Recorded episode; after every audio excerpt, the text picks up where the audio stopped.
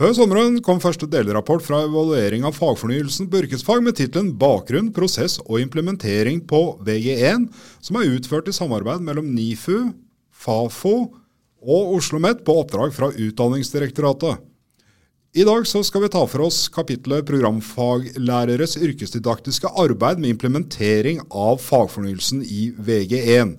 Velkommen til Yrkesfagpodden, en podkast fra Kompetansesenter for yrkesfag på Oslo OsloMet. Mitt navn det er Anders Grydeland, og jeg har med forskerne bak kapitlet som tar oss gjennom sitt arbeid. De er dosent Jorunn Dalbakk, førsteamanuensis Hedvig Skånhoft Johannessen, professor Inger Vagle og postdoktor Nina Åkernes. Velkommen til Yrkesfagpodden, og for ordens skyld så kan vi vel informere om at alle er tilsatt ved Institutt for yrkesfaglæringa her på Oslo OsloMet. Før vi går inn på de saftige sakene som er funnene dere har gjort, kan det kanskje være greit å få litt klarhet i ting jeg ikke helt har oversikt over, Jorunn, som uh, fagfornyelsen. Uh, hva er fagfornyelsen, og kalles den også for LK20? Ja, Fagfornyelsen er betegnelsen og prosessen og implementeringen av læreplanverket Kunnskapsløftet 2020. Og Det er jo en videreføring på mange måter da, av Kunnskapsløftet som kom i 2006. Den viderefører på mange måter den samme strukturen som kom med Reform 94 med to år i skole og to år i bedrift, men det har kommet en ny overordna del, og det har kommet nye læreplaner for de ulike utdanningsprogrammene. Og vi ser jo det at ny struktur og nytt læreplanverk det gir nye rammebetingelser for opplæringen i både skole og bedrift. Uh, så bruker dere yrkesdidaktikk en del. Kunne du forklart meg hva det er for noe? Ja, altså Yrkesdidaktikk er jo et relativt nytt begrep, som kanskje i motsetning til fagdidaktikk, da for å begynne med det, fagdidaktikk er jo betegnelsen på de som på en måte underviser i matematikk, engelsk, norsk, altså faget. Mens yrkesdidaktikken handler mye mer om hvordan man kan tilrettelegge for relevante yrkesprosesser, hvor det er arbeidsoppgavene, arbeidsprosessen og prosedyrene som er i fokus. Og Hvis vi skal se på definisjonen, så er jo den hentet fra HIM og HIPPE som ble etablert på 2000-tallet, som handler om planlegging, tilrettelegging, gjennomføring, vurdering og kritisk analyse av yrkesspesifikke læringsprosesser i både da skole og arbeidsliv. Ja, og så har dere prata med programfaglærere. Hva er en programfaglærer? Programfaglærerne er de som har de fagene i skolen som er retta mot yrkesfaget, i motsetning til det vi kaller fellesfaglærere, som underviser da i fellesfagene matematikk, norsk, engelsk, naturfag osv. Og De har jo da ofte en yrkesfaglig bakgrunn eller en fagbakgrunn som gjør at de kan undervise i de programfagene som inngår på yrkesfaglige studieretninger. Dere har jo gjort en undersøkelse da, hvordan er det egentlig man går fram eller samler inn eh, data og, sånt noe? Det? Ja, Vår undersøkelse var jo under pandemien, så vi har gjennomført alle intervjuene digitalt via et program som heter Zoom, som sikkert mange kjenner nå etter disse to årene. Og vi har inn, uh, gjennomført tolv gruppeintervjuer og to individuelle intervjuer med lærerne. Og det er klart at Til sammen har vi da snakka med 33 programfaglærere. Uh, og det har gitt oss en god innsikt fra de tre utdanningsprogrammene vi har valgt ut, som er bygg- og anleggsteknikk, som er et mer etablert utdanningsprogram. Og så har vi informasjonsteknologi og medieproduksjon, som er helt nytt. Og så har vi salg, service og reiseliv, som har også hatt en del endringer, og kanskje ikke har den lange tradisjonen innenfor yrkesfag. Og så har vi også helt på ja, sånn litt ved sida intervjuet en lærer fra håndverk, design og, og, produktutvikling, for å få eh, litt innsikt i Ducci og på en måte de samiske kulturhåndverkene. Ja, og Duchi det er navnet på samiske kulturhåndverk? Det er samisk kultur og kunst. da. Mm. Ja, riktig. Håndverk. Mm. Ja. Mm. Og så har vi jo da eh, snakket med lærere fra fire fylkeskommuner, eh, som er da spredd både fra by og land, sånn at vi har fått en god spredning både i landet og på en måte med ulike perspektiver. da. Og så er det flere enn tre utdanninger. Dere prata med lærer, programfaglærer på tre utdanningsprogram, men det er flere? ikke sant? Ja, det er klart det er flere, og det er alltid vanskelig da hvem man skal velge ut. Men det som var viktig for oss, var at det var litt ulike profiler da, med de som er etablert og de som er nye osv. Men aller helst skulle vi ha snakka med alle, men der kommer det andre undersøkelser som vil ivareta det etter hvert. Ja. Uh, når det kommer en sånn ny, uh, nytt læreplanverk, Nina, uh, så er det kanskje mye som programfaglærerne opplever som, som nytt. er det noe dere har funnet noen gode svar på? Hva, hva, hva, hva er nytt? Hva, er det de tar med seg fra gammelt av, kaller de det? da? Ja, det, det tenker jeg skal ta tak i, det er det Jorunn sa. Det har jo kommet nye elementer både i overordna del og i de fagspesifikke læreplanene. Så litt om overordna del først. Altså Med fagfornyelsen så kom det et nytt eh, kompetansebegrep som legger vekt på refleksjon og kritisk tenkning. Dette var noe lærerne var veldig opptatt av. Men de stilte jo ikke sant, de, de snakker jo om at kritisk tenkning, refleksjon, det er viktig i alle yrkesfag. For at elever og lærlinger skal utdannes til disse autonome fagarbeiderne som vi legger vekt på i Norge. Men så stilte de også spørsmål med men får man til dette allerede på VG1, eller trengs det mer modning?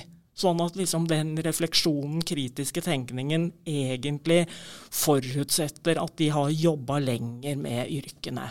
Det var én ting som var eh, interessant. Og så har jo dette begrepet dybdelæring kommet inn. Og lærerne, eh, lærerne forsto det på litt ulike måter. Det var noen som trakk fram dette med helhetsforståelse, det med at man eh, det med at man så sammenhenger på tvers av ulike fag. At, og så var det andre som kobla begrepet mer til det at uh, lærlingene Nei, at, at, skoleelevene allerede på VG1 skulle få mulighet til å fordype seg i et framtidig lærefag som de kanskje så, så for seg. Når du ser på tvers av ulike fag, da prater programfaglæreren om skolens fag, og ikke om, om våre fag som eh, elektriker og sveiser og, og helsefagarbeidere og sånt noe? Ja, da snakker man om ulike skolefag, fordi i programfagene har man jo vanligvis flere programfag. Det er ikke sånn at på VG1 så har de ett programfag som er yrkesfaget det er flere fag som det er viktig at de ser sammenheng mellom. Og så er det jo også fellesfagene. Ikke sant? Det at man kan se sammenhenger mellom matematikkfaget f.eks. Nå er jo norskfaget det er flytta bort fra VG1, og det var noe lærerne var bekymra for. I og med at det er et viktig redskapsfag i yrkesfagene. Og lærerne, mange av lærerne hadde de la vekt på det samarbeidet de hadde etablert over flere år, kanskje med norsklærerne, og den fordelingen de kunne ha. Og nå opplevde jo da VG1-lærerne at når elevene ikke hadde norsk, så måtte lærerne bruke programfagtimene til språkopplæring. Noe som gjorde at det da ble mindre tid til kanskje å konsentrere seg direkte om yrkesfaget. Men litt tilbake til overordna del. Det er jo også kommet disse tre tverrfaglige temaene. Bærekraft, eh, folkehelse og livsmestring og demokrati og medborgerskap. Og mange av lærerne vi eh, intervjua, de syns at det var forvirrende og uklart om de skulle forholde seg til det eller de to målene som var beskrevet i den fagspesifikke læreplanen, altså i programfagene, eller om de skulle forholde seg til alle tre. Ja, for I den fagspesifikke læreplanen så er det ikke mm, På alle utdanningsretninger så er ikke alle tre tverrfaglige temaene med? Nei. det var en, På IM f.eks. så hadde de bare ett av, av temaene. Og lærerne undra seg over det, og de syntes at det var rart. Uh, og jeg tenker at det er egentlig et eksempel på at uh, læreplanverket er uklart. Det har kommet, Lærerne oppfatter at det har kommet ulike signaler. De syns ikke de har fått noen god forklaring på hvordan de skal implementere det, dette ene eller disse tre tverrfaglige temaene. Hvordan forholder de seg til det da? Så er det bare en usikkerhet. Fikk dere noe idé, det var kanskje ikke en del av oppdraget, men fikk dere noe idé om hvordan de da løser det, eller? Ja, ikke sant. Jeg tenker jo at for mange så er jo dette her Altså, dette er temaer som er viktig i elever og lærlingers liv. Og det er jo sånn at eh, jeg tenker jo at veldig mange av lærerne har jo jobba veldig godt med f.eks. Eh, livsmestring lenge før enn det har kommet inn i overordna del. Og det er noe de gjør. Altså Vi snakker tross alt om programfaglærere som kanskje er sammen med elevene sine i 16 timer i uka, og på den måten får et, får et ganske nært forhold til dem. Så det er en del av de tingene som ja, som på en måte ligger i yrkesfagene og i lærerrollen, selv om den ikke er beskrevet. Da. Ja. Er det noe mer ved de tverrfaglige temaene som er utfordrende eller spennende for programfaglærerne? programfaglærerne? Ikke sant? Det er, det er jo en sånn de, de, gjorde det på litt ulike måter. Ikke sant? Sånn som på, på IM så var det eksempler på at de tok f.eks. temaet bærekraft og lagde medieproduksjoner om temaet, hvor, hvor, de trakk det inn på den måten. da, At istedenfor å ha et hvilket som helst tema for f.eks. en um, en TV-sending, så kunne de da intervjue f.eks. skolens ledelse, lærere, og spørre hvordan de Så det, det, var eksempler på måter som de kunne trekke inn det temaet på. Mens an, på andre skoler så valgte de å ha kanskje temauker, hvor hele skolen jobba med ett tema. Ja. Jeg tenkte jeg skulle si litt også om de fagspesifikke læreplanene. Um, for det som er spesielt, Jorunn sa Vi hadde jo disse tre utdanningsprogrammene, og de er jo veldig ulike. Du har jo IM, som er en ny konstruksjon, men hvor det er helt nye fag, og hvor det er to ulike fagretninger. Altså de som kommer fra medier og kommunikasjon, medieproduksjon, og de som kommer fra tidligere IKT-servicefag VG2, som skal finne sammen og skape noe helt nytt. Og så har du da mm, BA, bygg- og anleggsteknikk, som er et etablert utdanningsprogram med tradisjoner for samarbeid med arbeidslivet, lærekontrakter og service, og sam, eh, service, samferdsel og reiseliv, som vi også kan si er et mer etablert program. Og lærerne fra BA og mm, SSR, forkortelsen, eh, de kunne jo mye lettere sammenligne de nye læreplanene med, med, det de hadde før. Men det kunne jo ikke IM-lærerne, for, for, dem var jo dette her noe, noe helt nytt. Um, det som var viktig for lærerne på bygg- og anleggsteknikk og um, salg, service og reiseliv, det var at de opplevde at uh, de nye fagspesifikke læreplanene var blitt mer konkret, eller ikke mer konkret, mer praktisk.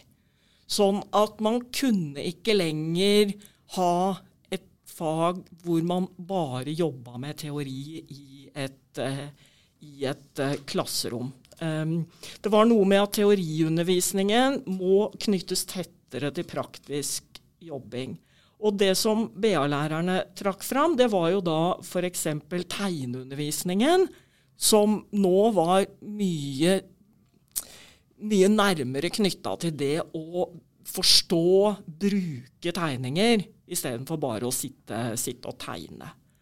Og lærerne på eh, salg, service og reiseliv de trakk også fram verbene. ikke sant? Når du har verb som bruke, utføre, så må man gjøre.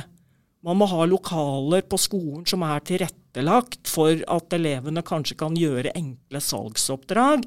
Man kan ikke sitte da og, og lese om dette i en, i en bok. Så er det også noe med altså Kompleksiteten i læreplanene var noe som kom fram. Det var særlig IM-lærerne som uh, mente at uh, læreplanene var veldig omfattende. Um, det er ikke nødvendigvis sånn at det er for mange kompetansemål. Uh, det hjelper jo ikke å ha få kompetansemål hvis hvert, enkelt mål er veldig omfattende. Um, så det, det, var noe de trakk fram. Og på samme måte så trakk også lærerne på BA fram at uh, temaer som tidligere var lagt til VG2, det var nå flytta ned på VG1. F.eks. varme arbeider. Sånn at det ble på en måte en stofftrengsel. Da. Det, det ble mye. Og i tillegg til at de da eh, elevene ikke lenger hadde norskfaget. Henger du med på den? Uh... Ja, men Målet med, med, fagfornyelsen, sånn som jeg husker det ble sagt, det var jo også, også fjerne ting. Altså gjøre det mindre omfattende, men lærerne oppfatter det nesten motsatt. Ja, jeg tenker det. det. det. første inntrykket vårt fra VG1 er at lærerne stiller spørsmål med er, er det for ambisiøst, er det lagt på et for høyt nivå på, på, VG1? Og det tenker jeg er noe av det som blir viktig for oss å følge opp videre. Undersøke videre om er, det, er dette her et førsteinntrykk, eller er dette noe som preger reformen? Ja. Uh, Hedvig, uh, er det noe som påvirker yrkesdidaktikken her, når det er såpass mye nye ting og samfunnet endrer seg? Eh, hva, hvordan ser programfaglærerne på, på, dette? Det er viktig å si at enhver læreplan oppstår ikke i et, et samfunnsmessig vakuum. Eh, alle læreplaner er påvirket av eh, samfunnsmessige betingelser, utdanningspolitikk, økonomi, eh, og eh, også eh, en type eh, ikke nødvendigvis vitenskapelige framskrivninger av hva slags kompetanse man tenker at framtidas arbeidstakere skal ha. Så det er jo mye som er i spill der, tenker jeg.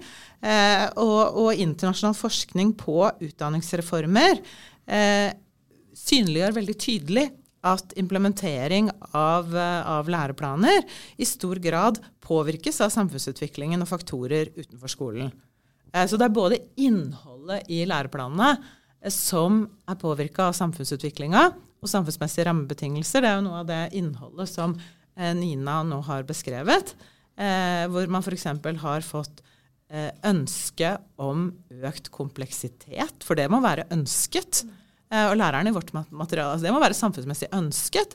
Og da har vi jo på mange måter et, et arbeidsliv i en rivende utvikling. Vi har digitalisering, eh, vi har automatisering på den ene siden, men samtidig så har vi jo også eh, eh store altså, Sånn som arbeidslivet er akkurat nå, så, så er det jo altså Yrkesfagene er virkelig under press. Eh, det er underbemanning, eh, det er arbeidsinnvandring. Altså det, er et, det er et både komplekst eh, og krevende og ganske kunnskapsintensivt arbeidsliv som disse læreplanene skal forsøke å forberede elever og lærlinger på. Det er den ene siden. Og så veit vi jo det at det som da er i samfunnsutviklingen, både med hvordan skolen blir og er, men også de rammene som står rundt programfaglærerne, eller jeg kaller dem både programfaglærere og yrkesfaglærere, det gjør vi også i, i rapporten, eh, altså det påvirker jo i høyeste grad eh, deres profesjonsutøvelse. Og Da er det noen punkter som jeg tenker er kjempeviktig å framheve, som vi skriver om i rapporten. Hvilke punkter er det? Ja, ja altså, Husk på at vi samla inn uh, data uh, fra intervjuer med disse programfaglærerne våren 2021. Og da var det en pågående internasjonal, eller global, uh, koronapandemi. Eh, som satte veldig stramme rammer for muligheten f.eks. For, for elever å være til stede på skolen. Eh, det var mye digitalundervisning. Eh, det var jo trafikklysmodell eh, med rødt, eh, gult og grønt nivå. dårlige muligheter for arbeidslivserfaringer i faget yrkesfaglig fordypning. Men også store geografiske og regionale forskjeller, fordi pandemien hadde f.eks. episenter på østlandsområdet og i Oslo. Det var mye strammere arbeidsbetingelser for de eh, lærerne som, i materialet som, eh, som var i, i, sentrale strøk. Eh, og det er jo også rapportert av annen forskning, eh, bl.a. Andersen, Federici og Vika, eh, som har undersøkt det her, som sier at, eh, at, det er veldig krevende læringsbetingelser for elevene. Elevene opplever at de lærer mindre, og lærerne opplever at eh, arbeidshverdagen eser utover alle døgnets timer, også fordi mange da jobba digitalt, og kanskje også eh, programfaglærere og har skoleunger som har hjemmeskole. Jeg veit ikke helt om jeg skjønte det der med at læreplanene blir mer kompliserte og krevende og forventer mer av elevene, og så lærer elevene mindre. Sa du det? Eh, jeg sier at eh, altså Først så vil jeg virkelig understreke, og det, det er vi helt enige om alle sammen, eh, at de yrkesfaglærerne som vi har intervjua, de gjør en kjempejobb med å implementere og tolke og iverksette fagfornyelsen under det vi kan kalle svært vanskelige rammebetingelser. Og da særlig er det koronapandemien som har gjort dette vanskelig. Også fordi at eh, slik informantene våre beskriver arbeidet med fagfornyelsen, så er det klart at eh, de starta, hadde jo f.eks. starta på mange skoler. Eh, altså Nå er vi mer på organisasjonsnivå, da, men det er også viktige samfunnsmessige betingelser. At på organisasjonsnivå så hadde de jo starta gode prosesser med lokalt læreplanarbeid. Eh, men det var også eh, læreplansamarbeid eh, på fylkeskommunalt nivå.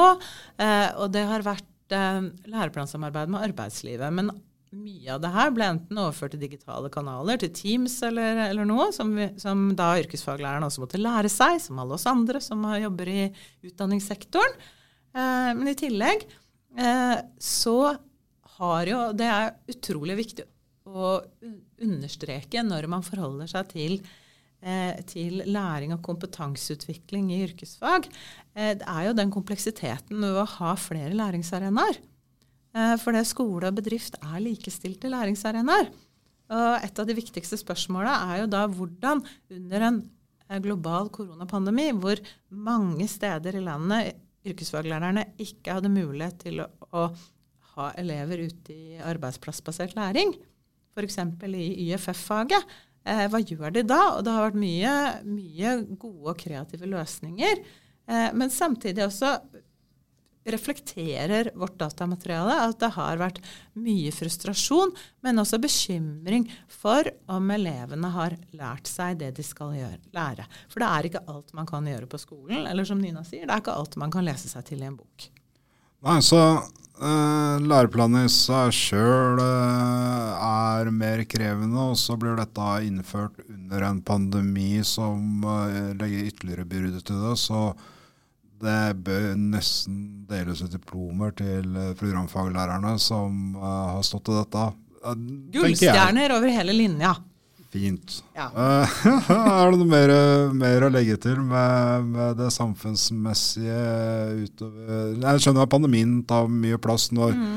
når, vi skal gjøre endringer med helt andre arbeidsforhold enn det vi har til vanlig. Men er det noe mer samfunnsmessige utfordringer vi har sett?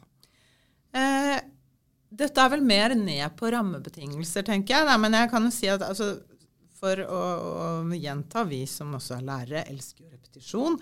Eh, at den største konsekvensen for opplæring av VG1, som det er den vi har undersøkt lærernes arbeid med i, i denne rapporten, eh, er at elevene ikke fikk gjennomført YFF-faget ute i arbeidslivet. Eh, og at det også har vært krevende pga. smitteverntiltak å få inn kompetente representanter fra arbeidslivet til å komme på skolene, til å dele og bidra med sin kompetanse. Men så er det jo selvfølgelig rammer som har blitt satt eh, av fylkeskommunen og skoleleders rolle i implementeringsarbeidet, eh, det har ikke vi gode nok data på, men det tenker jeg at vi må følge opp. Da. Hvordan jobber man med dette, og hvordan jobber man også da systematisk med yrkesfaglærernes kompetanseutvikling? Og hva slags kompetanseutviklingstiltak trenger man for å føle at man eh, faktisk eh, er eh, trygg og har oppdatert Eh, både yrkesfaglig kompetanse i faget, eh, men også i yrkesdidaktikken for å kunne iverksette og implementere disse læreplanene, som vi da eh, ser at er komplekse, og som informantene sier gjennomgående at de syns planene er komplekse. Og så handler det om andre betingelser som informantene er veldig opptatt av. Og det er jo økonomi og verksteder. Eh, altså Har de det de trenger av utstyr?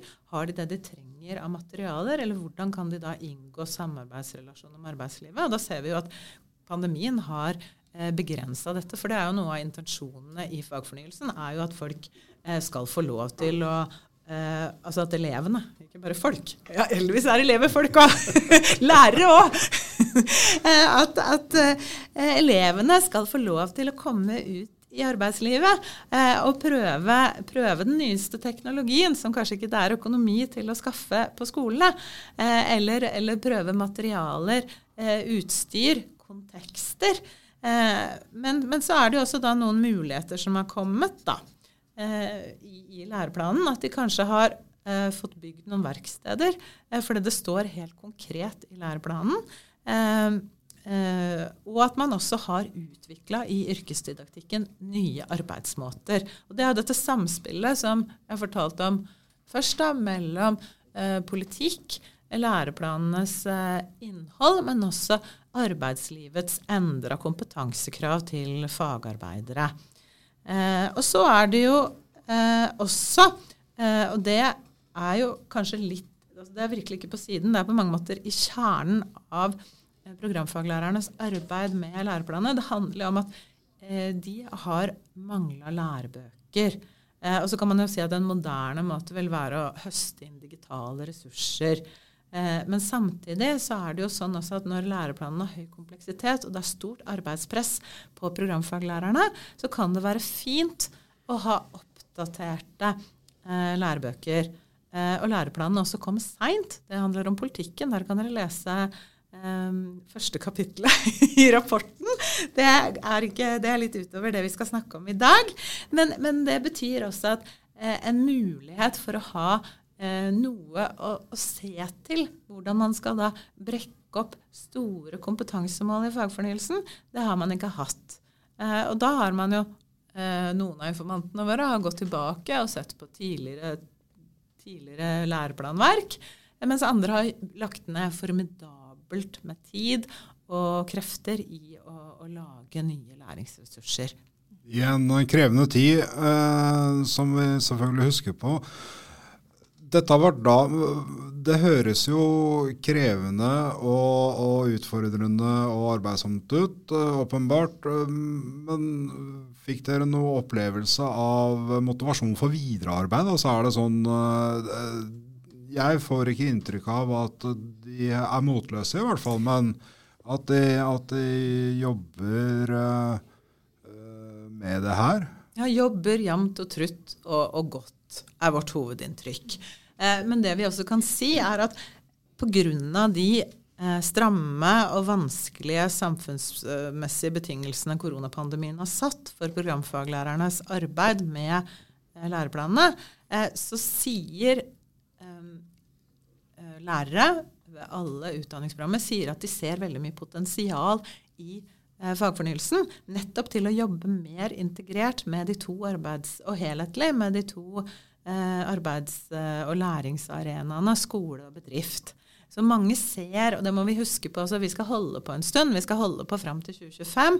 Eh, og nå er det i hvert fall litt pause på pandemi, så vi kan jo håpe at de får litt arbeidsro eh, ute i skolene også til å gå ut og jobbe mer systematisk med bedrift. For den helhetlige tankegangen som finnes i mange av de fagspesifikke eh, læreplanene, eh, det er det veldig mange av våre informanter som er godt fornøyd med og ser mange muligheter.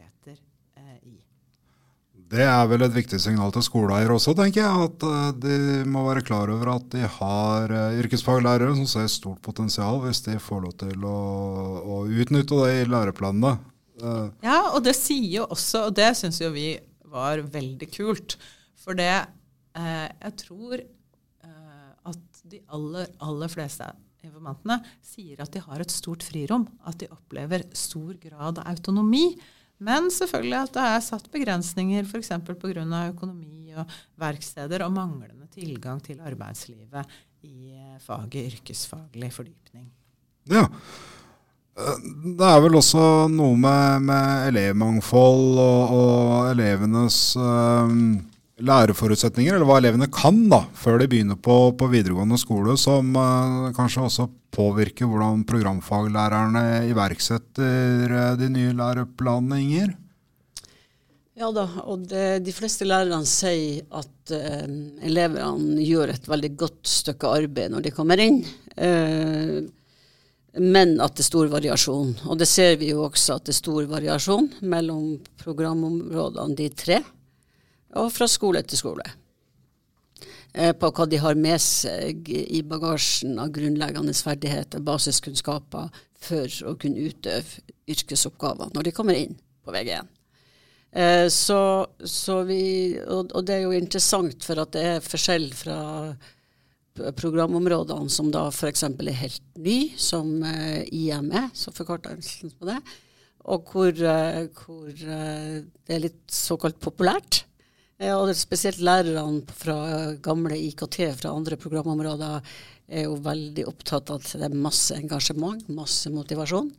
Eh, fra de elevene som begynte på VG1, fra det de hadde før. Så de sier det er en ny verden med, med læreforutsetninger og motivasjon og engasjement. Og det, og det går vel også på hva de eh, poengsummen for å komme inn på den linja, for det er jo avhengig av noen har høy poengsum for å komme inn, og noen har lav. Og da merker man jo kanskje det.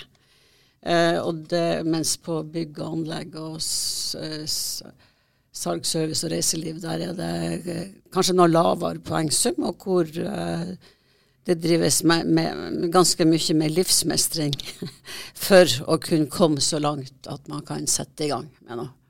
Ja, hva, hva, vil det si at det jobbes mye med livsmestring, eh, så det kan komme i gang? Jo, for det er, det er en del eh, Altså det er sammensatte elevgrupper. Eh, det er Folk har forskjellige typer ting med seg i bagasjen. Du skal lage et godt læringsmiljø, og det tar tid. Så dermed så bruker du litt sånn mer tid på å lage det gode læringsmiljøet for å kunne løfte dem opp, også med de basiskunnskapene. At du kanskje Du må lære dem litt mer matematikk. altså når du kommer så langt at liksom, de elevene er trygge og får det, det, identitet, som også er en viktig del og overordna del, at det må du liksom ha når du kommer inn i et klasserom, og de fleste kommer fra ungdom, forskjellige typer ungdomsskoler, kjenner ikke hverandre fra før. Du skal tørre å være en del av et fellesskap. Og det mener jeg at i materialet hos oss så er de fleste lærerne veldig opptatt av å gjøre den jobben for å så kan gå videre på den andre læringa, som er den fra læreplanene som er kompleks. Og som, i, som Nina sa i sted, at i læreplanene nå så ligger det i overdel en del begreper som går på Altså hva betyr kompetanse nå? Du skal være kritisk, og det her skal også inn i arbeidsoppgavene. Og da er det kanskje som eh, eh også Hedvig sa, handla det litt om modning òg. For at i en 15 13-åringer, eh, gutt og jente er på forskjellige nivå òg. Sånn at det, det, det, yrkesfaglærere har vel i veldig, veldig, veldig mange år vært gode på den der, å bygge det gode miljøet i en klasse som da på yrkesfag ofte er mellom 15 og 17 elever, som også er en luksus for å lage det gode miljøet, for å igjen lage de yrkesoppgavene. Men her skjer de fleste lærerne, bortsett fra på IM og på TAF altså TAF det er altså På bygg og anlegg så har du en kombinasjonssak mellom, eh, mellom eh, studiespes og, og eh, byggfag. Og der er det også litt høyere poengsum for å komme inn. At de har da mer med seg, spesielt av de basiskunnskapene. Sånn at en ting er å bygge det med mestring, men hvis du da har mangel på matematikk og norsk, og heller ikke har norsk som det ble nevnt tidligere her nå på VG1, så må programfaglæreren bygge mer basiskunnskaper inn på det for å kunne mestre det som da står i de læreplanene. Hvordan påvirker alt dette programfaglærerne? Opplever de det som mer krevende eller vanskeligere å starte med de faglige tinga, eller? Eh? Ja, På det vi har fått av informasjon av de intervjuene, så opplever vi vel det. Men så er det, det er mange som sier vi har jo gjort det her før. Men samtidig så er det den, den eh, Altså det, den avstanden for å bygge dem opp. Og så tenker jo jeg også det i en kombinasjon til å analysere litt når jeg sitter og snakker, men på at uh, de læreplanene kom sent. Sånn at det kan hende at de verkstedene ikke er bygd ferdig. Eh, og at de lærerne kanskje ikke har fått satt seg inn de på VG, Lærerne på VG1 har lært seg varme arbeider som de gjorde på VG2 før. Sånn at det er jo en organisering òg. Uh, så det, blir jo spennende når vi skal gjøre intervju med VG1-lærere om noen år, om uh, de gapene på det som har med det organisatoriske og det de har fått av kunnskaper sjøl, har hjulpet.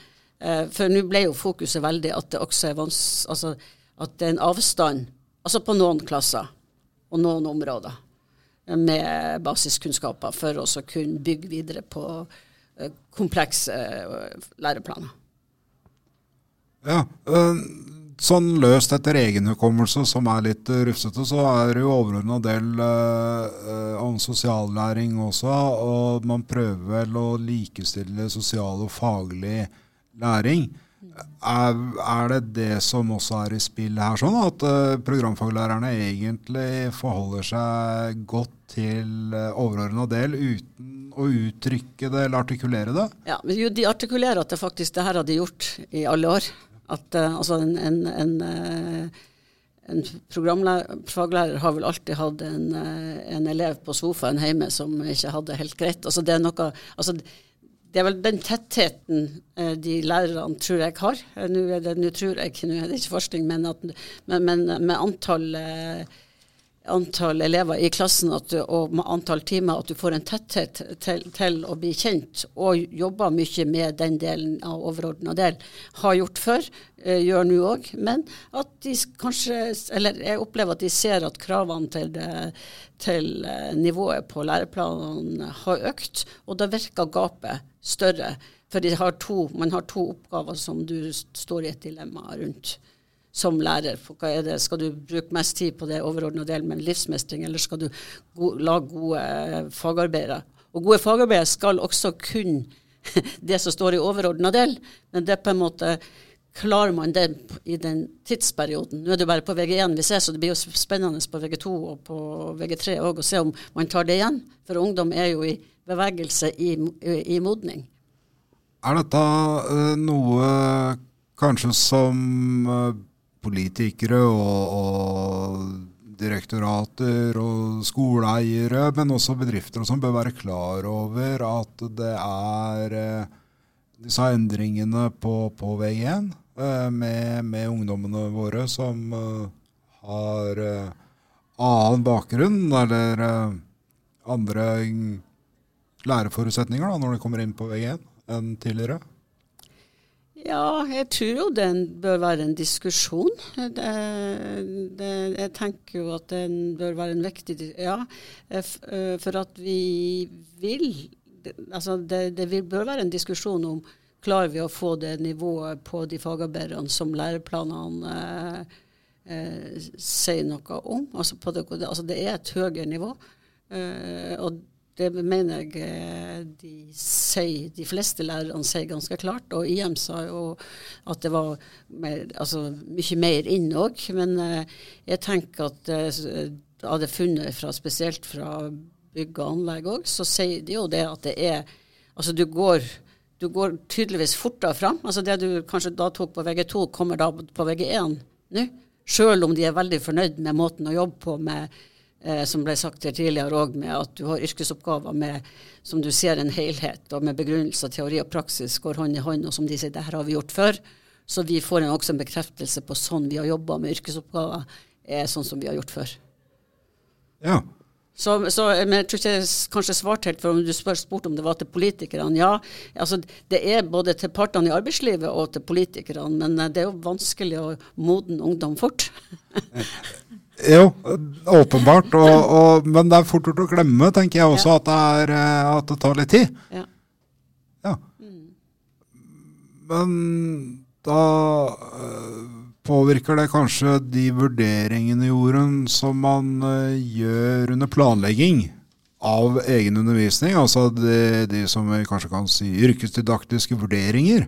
Uh, hva ligger da i, uh, til grunn for programfaglærerens opplæringspraksis da, Jorunn? Altså Det alle lærerne vi har snakket med er opptatt av, er jo å utdanne dyktige yrkesutøvere. Altså at VG1 skal være starten på en utdanning som er en yrkesfaglig retning. Og Det er klart at det lærerne sier, er at de nye læreplanene på mange måter dekker bedre yrkenes behov, nettopp på den bakgrunn som Hedvig sa, at teori og praksis henger tettere sammen. Altså at de opplever nå at de altså, Og som du også sa, Nina, med, med, dette med at det er mer gjøremål. ikke sant? At de nå opplever at de kan jobbe mer sånn som de egentlig har gjort før også. Men kanskje nå mer legitimt. da, At nå er det en del av læreplanen at de skal kunne jobbe sånn. Så det med at de opplever at intensjonen i læreplanen er en fagopplæring som gir høyere kvalitet. Men så kommer jo alle disse utfordringene som Hedvig har nevnt, og også nå Inger med målgruppa, som man hele tiden må ta hensyn til. Som gjør at kanskje man ikke når de intensjonene som var hensikten, da. Men det vi opplever, er jo at nye læreplaner gjør jo også at lærerne får igangsatt nye både endrings- og utviklingsarbeid som gjør at de får muligheten også til å kunne tilpasse sånn som de ønsker at det skal være, selv om mange sier at dette har vi gjort før. Sånn er, det er ikke så veldig mye nytt, sier kanskje bygg- og anleggslærerne. Mens da EM-lærerne opplever at det er forholdsvis store endringer som gjør at de kan jobbe på en annen måte kanskje i forhold til teoripraksis enn det de har gjort tidligere. Og så er det jo det jeg i hvert fall opplever, er at alle lærerne ser behov for samarbeid både mellom hverandre og mellom skole og arbeidsliv, som også er nevnt mange ganger før. Og at de har gode relasjoner til fagfolk i nærmiljøet som de er vant til å bruke, og som de bruker. Men som da ble vanskelig nå pga. pandemien, som vi har nevnt tidligere. ikke sant? Eh, veldig mange av de lærerne vi snakka med, hadde praksis ute i arbeidslivet, ikke IFF på skolen, for å sende et eksempel. Selv om vi vet at det også gjøres på ulike måter. Men det som kanskje eh, vi var litt opptatt av også når vi snakka med lærerne, er jo dette med vurderingspraksis. Fordi det nå er kommet inn at man skal Altså det med underveisvurdering har jo vært med i læreplanene før. I hvert fall i de altså grunnlagsdokumentene, da. Mens nå har det kommet inn i læreplanen. Og det mange lærere sa, var jo at de nå reflekterte kanskje litt mer bevisst rundt hvordan er det vi egentlig gjennomfører underveisvurdering. Og hvordan gjør vi det egentlig? Og at de blir bevisst på eh, at de skal gjøre det. da. Og, og, da var jo vi, vi, litt opptatt av er det sånn at det nå har blitt mer formalisert, eller er det på en måte den samtalen ved arbeidsbenken som fremdeles er det viktigste? Og det opplever vi jo ut fra det de svarer, at det fremdeles er den daglige tilbakemeldingen ved arbeidsbenken som er det viktigste i også underveisvurderingen. da. Og det gjorde oss litt glade, faktisk. At det ikke ble sånn formaliserte samtaler uavhengig av hva som foregår i verkstedet, da, eller i læringssituasjonene. Og så er det jo dette med disse nye begrepene altså som egentlig ikke er nye, men som kanskje lærerne i hvert fall har fått tydeligere med seg, dette med elevmedvirkning, og som også er nevnt det med refleksjon, som de selvfølgelig bruker mye tid på. Hvordan skal vi gjøre det? Hva skal elevene være med å vurdere? Hva skal de ikke være med på? Hva vil det si å få de til å reflektere rundt hva de har lært? Hvordan skal vi gjøre det her? Og det med kritisk tenkning. ikke sant? Og, og det er jo mange av lærerne som sier også at det er vanskelig å utfordre elevene på å være kritiske før de kan noe. Og på VG1 hvor mye må man kunne i et fag før man kan være kritisk, før man kan begynne å reflektere over. Eh, og det var litt sånn spennende tanker da, som vi også eh, har fått noen sånne Ja, kanskje man kan skrive mer om, faktisk, også fordi det er veldig interessant. Når kan man begynne å være kritisk? Så, så, så, det med at det i hvert fall er fokus rundt det, og at lærerne alltid har gjort det, men nå kanskje diskuterer det litt mer, da, hvordan de skal få det til, det syns vi har vært veldig spennende. Ja, Det liker jeg veldig godt. At uh, refleksjon og kritisk tenking ikke bare er noe som påføres uh, elevene, men at, uh, at, lærerne praktiserer det. Ikke sant. Det liker vi. Ja. Og Dette henger jo også sammen med det nye kompetansebegrepet som Nina var innom. ikke sant? At det krever også at man skal være kritiske. da. Og Det krever jo også samfunnet, som du var inne på, Henrik. At man må faktisk stille litt spørsmålstegn ting. Også det med bærekraft. Ja, hva er egentlig det? At det ikke bare blir en floskel, men at det faktisk gir og blir et faglig innhold. Det opplever jeg at lærerne er opptatt av. Altså at, at, disse begrepene er noe som de virkelig knytter til fagene sine da, og yrkene sine. Og så er det jo det eh, Hedvig også har vært inne på, det der med at vi ser at det er forskjell på de som har den yrkesfaglige kompetansen og har yrkesfaglig bakgrunn, kontra de som kanskje mer er faglærere og har på en måte en disiplintenkning. Da. Eh, og det, og det ser vi også det der med etter- og videreutdanning, hva det er behov for. Det, det er jo også noe vi må følge opp. Mm. Da lurte jeg på, skal vi prøve å gå inn litt for landing. Er det, er det noe som er usagt som, uh, som, bør uh, på bordet? Så gikk den sjansen nå, for da tenkte jeg Hedvig. Var det noe du ville ta, Inger? Jo, vi, altså, vi så jo litt på det med kjønn, vi da. Uh, og, Og, altså, den kjønnsskjevheten som, som, er, og, som, og om det blir noen endringer Om det har blitt noen endringer etter 2020, som det her ble iverksatt, uh, og at vi har fått uh, nye Altså uh, eh, IM, som da pl plutselig på en måte nå får guttene fra IKT inn til seg, og SSR som da mista IKT og, og får Og logistikk, hvor det har vært tidligere noen linjer som da hadde sånn halvt om halvt på kjønn. Og nå på, på, en måte ser ut som kan endre seg. Så om er det blitt en polarisering, det er også noe som vi følger litt opp. Og alle lærerne var jo veldig viktige at de ønska et mangfold i klasserom mm. med, med, det. Eh, på samme måte som kanskje eh, som jeg ikke nevnte i sted, eller du gikk litt videre, da, på at vi har jo mangfold i kulturer som vi skal også ivareta, og at det er veldig forskjell fra, uh, i utvalget med noen rene skoleklasser med etnisk hvite uh, norske barn. Og så har du noen som uh, på en måte mange norske som, men med forskjellig etnisk bakgrunn i et klasse, eller kulturell bakgrunn, kan du si. Og hvor det, lærerne også tok, kom fram med hva du kunne få til i et spenn med mange forskjellige folk. Altså mangfoldet i det, både med kjønn og forskjellige typer kulturell bakgrunn som, ja. som, noe positivt, men også tungt. Altså, for det ligger i overordna del at du skal jobbe med det. Men, men, samtidig kanskje enda tyngre for å få det der læringsmiljøet i, i, gang. For at språkproblemene kan også være en språkforståelse. At det er ikke bare det altså, For noen snakker god i norsk, men de har en dårlig språkforståelse, uansett uh, hvilken type bakgrunn man har. Uh, så, så jeg, som jeg, jeg, tenker er viktig å også ha med seg på den som lærerne reflekterer over for å se hva er det, altså, hva er det som står i overordna del, hva er det vi har, hvilke hvordan elever har vi, og hvordan skal de her bli gangsfolk når de kommer ut i arbeidslivet, og at de jobber mye med det å få til et fellesskap. Og de var veldig opptatt av en del av lærerne å få til det fellesskapet godt. Uh, og, og, da får man jo da forskjellig på det, ut fra om du har eh, homogene grupper, eller om du har et mangfold. Ja, for det er jo viktig å være klar over at uh, det endrer jo en del på, på premissen uh, for å drive opplæring når kjønnssammensetning eller, eller, andre ting endrer seg, enten den ene eller andre veien, ikke sant? Um, ja, men lærer vi av alt dette her, Edvig? ja, det, det, jeg kunne, det jeg tenkte på, som, som, vi kanskje ikke har tatt opp så mye i akkurat denne rapporten, men som jeg tenker blir en veldig interessant videre ramme eh, i å se på, på programfaglærernes eh, profesjonsutøvelse og yrkesdidaktiske praksiser, det er jo nettopp dette å lære å lære.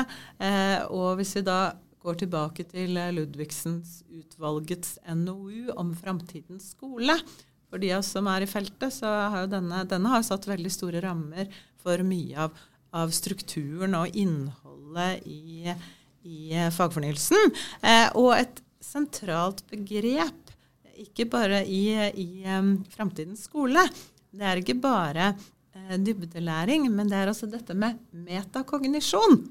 Eh, og metakognisjon det betyr jo at elevene, men jeg tenker også programfaglærerne, de skal lære seg til å få oversikt over hva de har kunnskaper og kompetanse om, men også hvordan de lærer, og hva de ikke kan og trenger å lære seg, eh, men også veien fram mot å utvikle den kompetansen.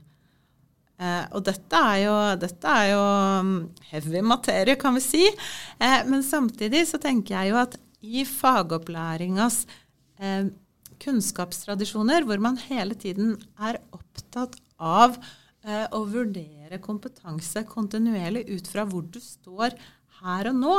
Ikke eksamenspapirene dine eller fagbrevet ditt som er ti år gammelt, men her du står her og nå. Hvordan har du utvikla kompetansen din? Hva har læringsbanen din vært? Eh, hva er læringsbanen din framover? Så tenker jeg jo at her ligger det et veldig bra potensial eh, i nettopp fagfornyelsen. For det at opplæringa er eh, sett på som mye mer helhetlig og integrert, som Jorunn sier, mellom teori og praksis, mellom skolebasert og arbeidslivsbasert opplæring. Eh, og det innebærer jo også, det bidrar jo også til hele denne eh, velsignede, men også forbaskede kompleksiteten eh, som ligger i, i fagopplæringa. Eh, og selvfølgelig så, så uttrykker jo eh, lærerne i vårt eh, datamaterial de uttrykker en bekymring over at elever under vanskelige arbeidsbetingelser i koronapandemien eh, kanskje ikke har utvikla den kompetansen i VG1 som var ønsket. Men samtidig, hvis vi da igjen husker på det som, eh, som står i eh, Framtidens skole, og at man jobber med å utvikle elevenes eh, ferdigheter innen kritisk tenkning, og at man jobber systematisk med vurdering, men også hverandrevurdering og egenvurdering.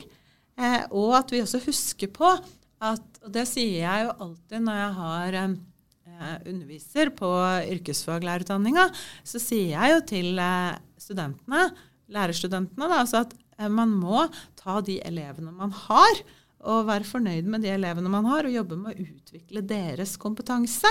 Man kan ikke ønske seg et annet elevgrunnlag. Eh, og da kommer vi også til det som Inger snakker om, denne her berømmelige spagaten, eh, som ikke er nytt med eh, altså yrkesfaglærernes spagat mellom på den ene siden å jobbe veldig mye med eh, å utvikle elevenes eh, sosiale kompetanse. Og det er jo mange som også må jobbe med ikke bare eh, sosial kompetanse, men også spesialpedagogiske problemstillinger på den ene siden. Eh, og det er jo også variabelt i disse utdanningsprogrammene om elevene eh, har ønska seg dette faget, dette utdanningsprogrammet. Eh, og så den andre siden i spagaten, som gjør at det ikke nødvendigvis er en forenlig motsetning, det er jo arbeidslivets høye kompetansekrav til yrkesfaglig kompetanse hos elever eh, når de skal inn i læra, men også eh, den høye yrkesfaglige kompetansen som de ønsker at elevene, eller lærlingene, da eh, oppnår når de tar fagbrevet. Eh, og da tenker jeg at for å se litt framover, og det er jo ikke egentlig noe som vi forskere driver så mye med, men vi må jo planlegge framover, og vi er jo så heldige at vi har eh, prosjektmidler fram til 2025. Eh, så tenker vi at vi har et langtidsdesign. Eh, og da er vi jo opptatt av eh, hva, hva, skjer? Altså nå har vi intervjua i nå våren 2022 har vi intervjua VG2-lærerne. Videre eh, skal vi da eh, høsten 23 se på instruktører i bedrift. Eh, opplæringskontor òg, har vi ikke snakka om det? Eh, og så kommer det også en stor spørreundersøkelse til programfaglærere ved alle utdanningsprogram nasjonalt, som vil kunne gi resultater som er mer generaliserbare og overførbare til hele um, utvalget av programfaglærere i Norge. Hvor mange rapporter kan vi vente oss da? Vi har fått én, og så Eh, Det kommer to til. eh, Og så kommer det noen vitenskapelige artikler. Og neste delrapport kan vi forvente oss sånn omtrentlig 2023. Juni 2023 kommer denne. Får jeg nå suffli på her. Ja, det var ganske spesifikt òg, da. Ja, det er spesifikt. Eh, men det som vi er opptatt av da, i veien videre, det er jo nettopp dette. Altså hva slags kompetanse eh, har disse programfaglærerne? Og hva trenger de eh, i kompetanseutviklingstiltak? Hva skjer med yrkesfaglærerrollen og yrkesdidaktikken i de ulike eh, fasene? Eh, eh, hvilke utfordringer videre står profesjonsutøvelsen i? Eh, Hva skjer med relasjonene til arbeidslivet i samarbeidet om elevenes eh, læring og kompetanseutvikling i fagfornyelsen? Eh, Og hvordan oppleves over tid eh, læreplanenes kompleksitet? Ja, det blir eh, svære greier. Eh, og godt arbeid. Da takker jeg så mye for at dere deltok i Yrkesfagpodden. Eh, dosent Jorunn eh, Dalbakk, førsteamanuensis Hedvig Skånhoft Johansen, professor Inger Vagle og postdoktor Nina Åkernes. Lenke til hele denne rapporten, hvis du ikke har fått nok, det ligger i emnebeskrivelsen på denne episoden, som du kan høre overalt hvor du hører podkast. Du finner også Yrkesfagpodden på Facebook om du har innspill eller spørsmål, og du må gjerne fortelle andre om Yrkesfagpodden. Mitt navn det er Anders Gridland. Takk for denne gang.